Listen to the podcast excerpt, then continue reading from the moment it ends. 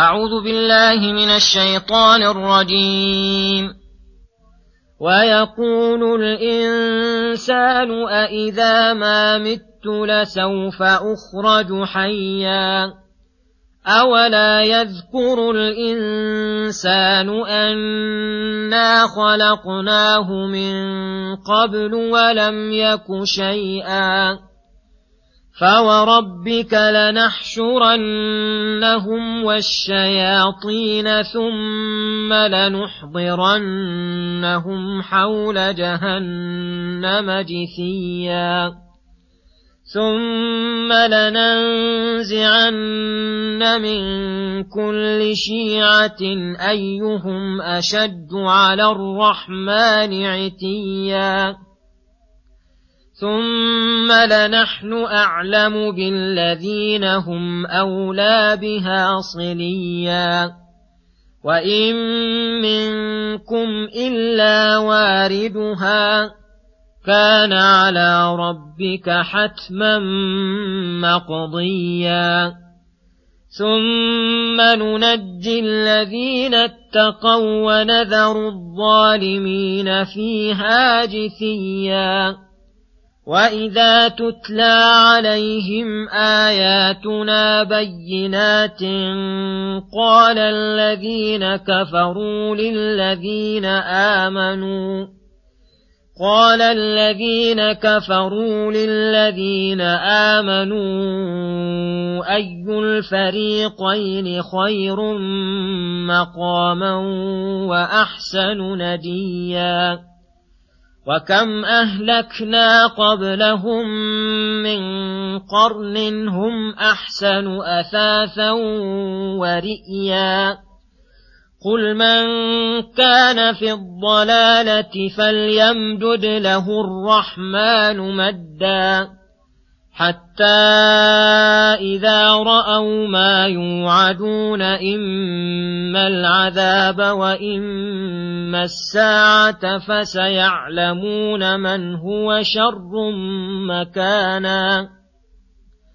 فسيعلمون من هو شر مكانا وأضعف جندا. السلام عليكم ورحمة الله وبركاته. يقول الله سبحانه فيقول الإنسان أإذا ما مت لسوف أخرج حيا. المراد بالإنسان ها هنا كل منكر للبعث مستبعد لوقوعه فيقول مستفهما على وجه النفي والعناد والكفر أإذا ما مت لسوف أخرج حيا. أي كيف, يعب... أي كيف يعيدني الله حيا بعد الموت؟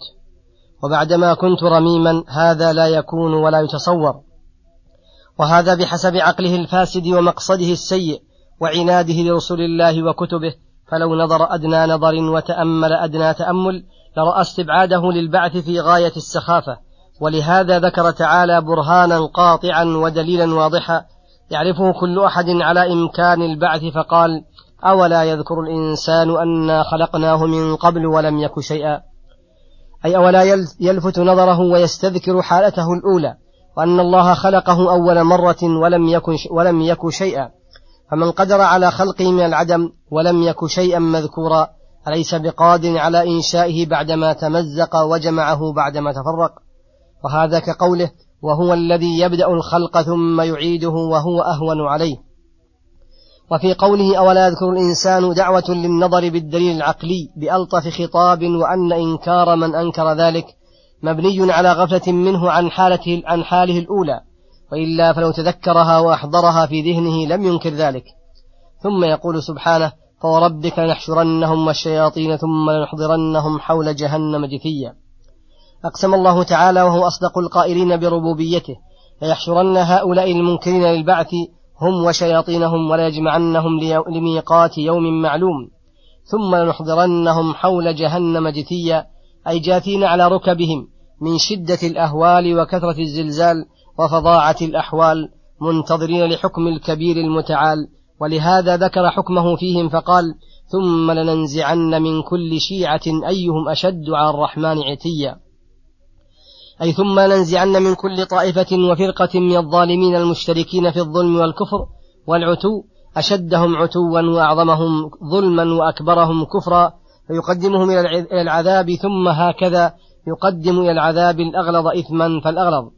وهم في تلك الحال متلاعنون يلعن بعضهم بعضا فيقول أخراهم لأولاهم ربنا هؤلاء ربنا هؤلاء الذين أضلونا فآتهم عذابا ضعفا من النار. وقالت أولاهم لأخراهم فما كان لكم علينا من فضل. وكل هذا تابع لعدله وحكمته وعلمه الواسع. ولهذا قال ثم نحن أعلم بالذين هم أولى بها صليا. أي علمنا محيط بمن هو أولى صليا بالنار. فقد علمناهم. وعلمنا أعمالهم واستحقاقها وقسطها من العذاب. ثم يقول سبحانه وإن منكم إلا واردها. كان على ربك حتما مقضيا وهذا خطاب لسائر الخلائق برهم وفاجرهم مؤمنهم وكافرهم. وأنه ما منهم من أحد إلا سيرد النار حكما حتمه الله على نفسه وأوعد, به عباده فلا بد من نفوذه ولا محيد عن وقوعه. فاختلف في معنى الورود فقيل ورودها حضورها للخلائق كلهم حتى يحصل الانزعاج من كل أحد ثم بعد ينجي الله المتقين. فقيل ورودها دخولها وحضورها فتكون على المؤمن بردا وسلاما. وقيل الورود هو المرور على الصراط الذي هو على متن جهنم فيمر الناس على قدر أعمالهم. فمنهم من يمر كلمح البصر وكالريح وكأجاويد, وكأجاويد الخيل وكأجاويد الركاب. ومنهم من يسعى ومنهم من يمشي مشيا. ومنهم من يزحف زحفا ومنهم من يخطف فيلقى في النار. كل بحسب تقواه. ولهذا قال ثم ننجي الذين اتقوا. الذين اتقوا الله تعالى بفعل المأمور واجتناب المحظور. ونذر الظالمين أنفسهم بالكفر والمعاصي فيها جثيا. وهذا بسبب ظلمهم وكفرهم. ووجب لهم الخلود وحق عليهم العذاب وتقطعت بهم الأسباب. ثم يقول سبحانه وإذا تتلى عليهم آياتنا بينات الآيات أي وإذا تتلى على هؤلاء الكفار آياتنا بينات أي واضحات الدلالة على وحدانية الله وصدق رسله توجب لمن سمعها صدق الإيمان وشدة الإيقان. قابلوها بضد ما يجب لها واستهزأوا بها وبمن آمن بها واستدلوا بحسن حالتهم في الدنيا على أنهم خير من المؤمنين فقالوا معارضين الحق أي الفريقين أي نحن والمؤمنين خير مقاما أي في الدنيا من كثرة الأموال والأولاد وتفوق الشهوات وأحسن نديا أي مجلسا أي فاستنتجوا من هذه المقدمة الفاسدة بسبب, بسبب أنهم أكثر أي فاستنتجوا من هذه المقدمة الفاسدة بسبب أنهم أكثر مالا وأولادا وقد حصلت أكثر مطالبهم من الدنيا ومجالسهم وأنديتهم مزخرفة مزوقة والمؤمنون بخلاف هذه الحال فهم خير من المؤمنين وهذا دليل في غاية الفساد وهو من باب قلب الحقائق وإلا فكثرة الأموال والأولاد وحسن المنظر كثيرا ما يكون سببا لهلاك صاحبه وشقائه وشره. ولهذا قال تعالى وكم أهلكنا قبلهم من قرن هم أشد هم, هم أحسن أثاثا أي متاعا من أوان وفرش, وفرش وبيوت وزخارف ورئيا أي أحسن مرأى ومنظرا. من غضارة العيش وسرور اللذات وحسن الصور.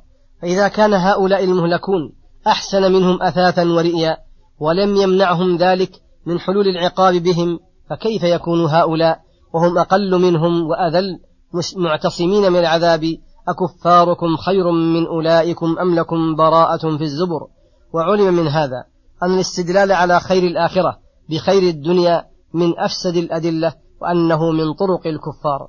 وصلى الله وسلم على نبينا محمد وعلى آله وصحبه أجمعين. وإلى الحلقة القادمة غدا إن شاء الله. والسلام عليكم ورحمة الله وبركاته.